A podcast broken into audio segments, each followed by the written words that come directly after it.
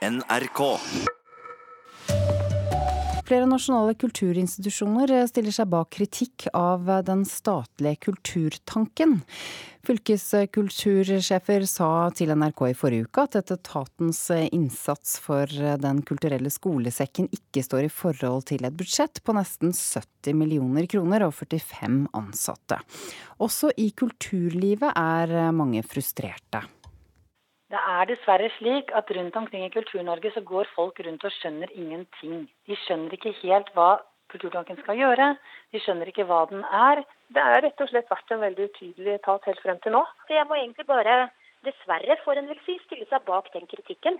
Unison kritikk fra tre ledere på litteraturfeltet. Verken Norsk Forfattersentrum, Lesere søker bok eller norske barne- og ungdomsbokforfattere er fornøyd med innsatsen fra den statlige Kulturtanken. Problemet er vel at Kulturtanken eh, framstår som en organisasjon som er eh, utilgjengelig og lite interessert i å møte og samarbeide og gi innsyn eller innflytelse. Sier daglig leder Liv Gulbrandsen i Leser søker bok, en forening som jobber for at alle skal ha tilgang til gode bøker, ikke minst barn og unge. Og Sjøl er vi en organisasjon som gjerne vil, og vi har sagt fra ved flere anledninger at vi vil ha samarbeid, men vi har fortsatt ikke møtt den nåværende lederen i Kulturtanken til møte. Hvert år får rundt 820 000 skoleelever besøk av Den kulturelle skolesekken.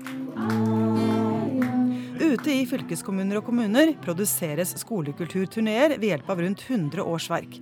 Mens Kulturtanken har 45 statsansatte i Oslo med et budsjett på nær 70 millioner kroner, som driver med rapportering, utvikling og forskning. Sist uke sa flere fylkeskulturledere til NRK at de frykter byråkratiet i etaten koster mer enn det smaker, men Gulbrandsen er mer opptatt av mangel på samarbeid. Jeg blir bekymra. Vi har mange ting vi skal samarbeide om. Vi er begeistra og interessert i å lage en best mulig skolesekk. Og det klarer man ikke hvis man murer seg inne og setter seg liksom aleine på haugen og ikke er interessert i hva andre driver med. Heller ikke daglig leder i Norsk Forfattersentrum, Ingvild Kristine Herzog, er fornøyd med Kulturtanken. Det største problemet for oss er vel den manglende kommunikasjonen med kunstfeltet. Vi jobber godt sammen med de litteraturfaglig ansvarlige, men vi jobber ikke med den øverste ledelsen i samme måte. Vi trenger en mye, mye tettere dialog. Det er helt åpenbart. Sier Taran Bjørnstad, leder i Foreningen norske barne- og ungdomsbokforfattere. Og sjefen for Kulturtanken, Linn Marie Holvik, lover nå bot og bedring. Jeg har måttet vært skikkelig under oppbygginga av en helt ny etat. Det har vært eh, krevende, og jeg har valgt å gjøre det på en ordentlig og god måte. Eh, men det er klart at eh, fra nå av og fremover så skal vi fortelle mye, mye mer om hva vi holder på med med våre samarbeidspartnere. Siden Holvik overtok er staben redusert fra 57 til 45 ansatte. Mange fra de gamle Rikskonsertene har sluttet, og nye fagfolk er ansatt. Nå ser hun at hun må bruke mer tid på å møte kulturlivet ansikt til ansikt. Jeg ser jo selvfølgelig behovet for at vi også møtes på ledernivå. Og jeg skal invitere folk på besøk til oss, og til meg selvfølgelig, og meg sjøl til andre. Det skal jeg bli flinkere til. Ja, det sa Linn Marie Holvik i Kulturtanken. Reporter var Anette Johansen Espeland. Nå skal det handle om eh, teknologi. Eh, du er kanskje i påskefjellet akkurat nå og kan surfe på telefonen med minst like god hastighet som du kanskje har på det trådløse nettverket ditt hjemme. Eller kanskje du hører dette på NRKs radioapp på smarttelefonen din. Og dette er noe vi kan takke det velutbygde 4G-nettet for. Men 4G eh, var jo bare et steg på veien. Nå står 5G for døren, og noe, det er noe som mange tror kommer til å skape en slags slags revolusjon. Marte Ottemo, du er kommunikasjonssjef i stiftelsen Elektronikkbransjen. Hva er egentlig 5G? 5G eh, er neste generasjons eh, mobilnett. Det blir på en måte grunnmuren i det som skal bli vår nye digitale hverdag i framtida. Det er både raskere enn 4G-nettet, men eh, det har også noen helt nye egenskaper som gjør at vi får nye teknologiske løsninger, sånn som smarte biler, selvkjørende biler, smarte byer, og telemedisiner og mye mer. Ja, så Hvordan kommer dette til å endre livene våre? Vi kommer til å få se helt nye, nye tjenester. Eh, nye forretningsmuligheter, fjernstyring av uh, ulike sensorer. Det kommer til å gå mye raskere å laste ned ting fra nettet. sånn at dette vil være noe som kommer til å endre mye av den digitale infrastrukturen i samfunnet vårt fremover. Går det an å si hvor mye raskere 5G er i forhold til 4G? Eh, nå er ikke standarden satt helt, så vi vet ikke helt ennå. Men Telenor har oppnådd 71 eh, gigabit i sekundet i sine lab-tester. Det er ca. 100 ganger raskere enn 4G-nettet er i dag. Sånn at kjøper du en eh, høyoppløst film på iTunes, så vil det bare ta et halvt sekund før du har lasta det ned til mobilen din. Hmm. Så dette er ganske mye raskere. Ja, det høres raskt ut. Så hvordan, hvordan, vil du si at 5G da vil endre medievanene våre når det gjelder da, konsum av TV-serier, filmer og musikk? Ja, nå er ikke hastigheten nødvendigvis det som er mest viktig med, med 5G-nettet, men det er alle de andre mulighetene som, som, ligger i det. Eh, det er klart det å laste ned og strømme video i, i høyoppløst kvalitet vil bli eh, enda enklere. Eh, vi ser også at nye tjenester kommer til. Tysk TV har bl.a. vært og testa å strømme TV live via 5G til telefonen din. Og da får telefonen de samme egenskapene som TV-buksen din har hjemme i stua i dag. Og så er det andre som har testa å sende dette i såkalt kunstig virkelighet. Sånn at du sender en, kanskje en stor konsert eller et uh, sportsarrangement uh, live til VR-brillene dine i stua. Så kan du sitte hjemme og være en del av publikum og se alt som skjer rundt deg uh, live. Det krever selvfølgelig mye datakapasitet.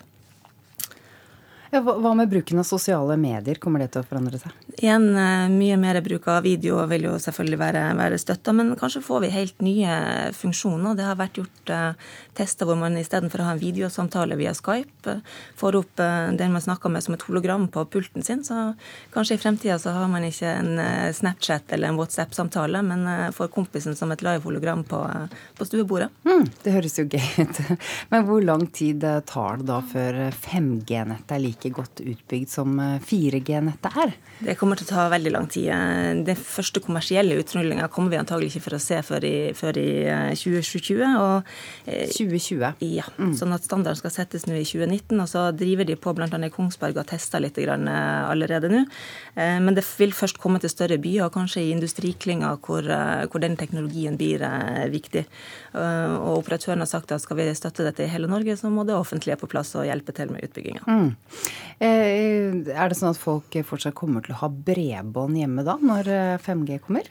Eh, I alle fall i overskuelig fremtid, i og med at dette kommer til å ta lang tid å, å, bygge ut. Spesielt da i grisgrendte strøk. Har man begynt å snakke om 6G også, kanskje?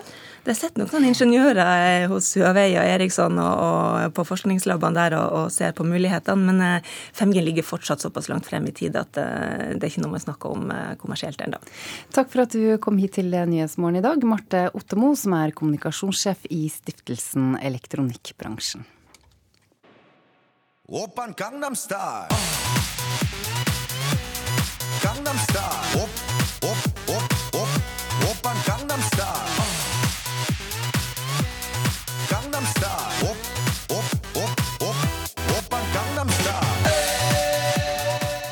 Ja, velkjente toner der. Gangnam Style, som den sørkoreanske artisten Psy. Eh, dette var en eh, stor eh, landeplage for noen år siden. Jeg tror det er fem år siden. Nå kan det hende at folk også i Nord-Korea får oppleve denne låten, reporter Oddvin Eine. Ja, oppleve eller bli utsatt for, det er jo en eh, definisjonssak. Er det det de trenger? Ja.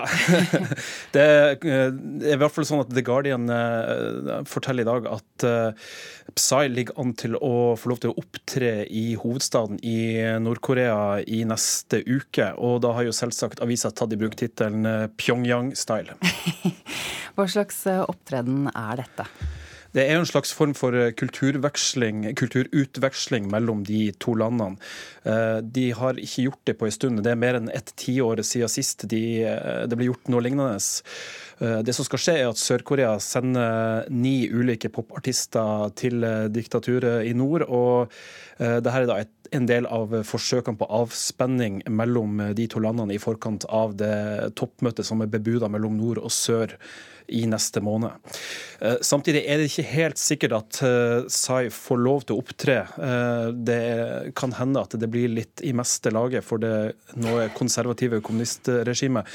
De er visstnok bekymra for det de mener er et i overkant utagerende sceneshow. Mm. Psy er jo kjent for å både banne fra scenen og kanskje også lette på garderoben og ende opp i bar overkropp. Der er nok nordkoreanske kulturbidrag vesentlig mer tilbakeholdne mm. på scenen. Ja, det er det nok. Gangnam Style ble jo da kjent som den første videoen på YouTube som nådde én milliard avspillinger, og det var vel for fem år siden. Hvor mange avspillinger har denne videoen fått nå? Ja, den har runda nylig tre milliarder avspillinger, men den har ikke lenger statusen som det mest eh, avspilte låter på YouTube. Det er det derimot eh, artisten Louis Fonsi eh, som har med låten Despo, Despacito. Den nærmer seg fem milliarder visninger. Takk for at du kom inn, reporter Oddvin Aune.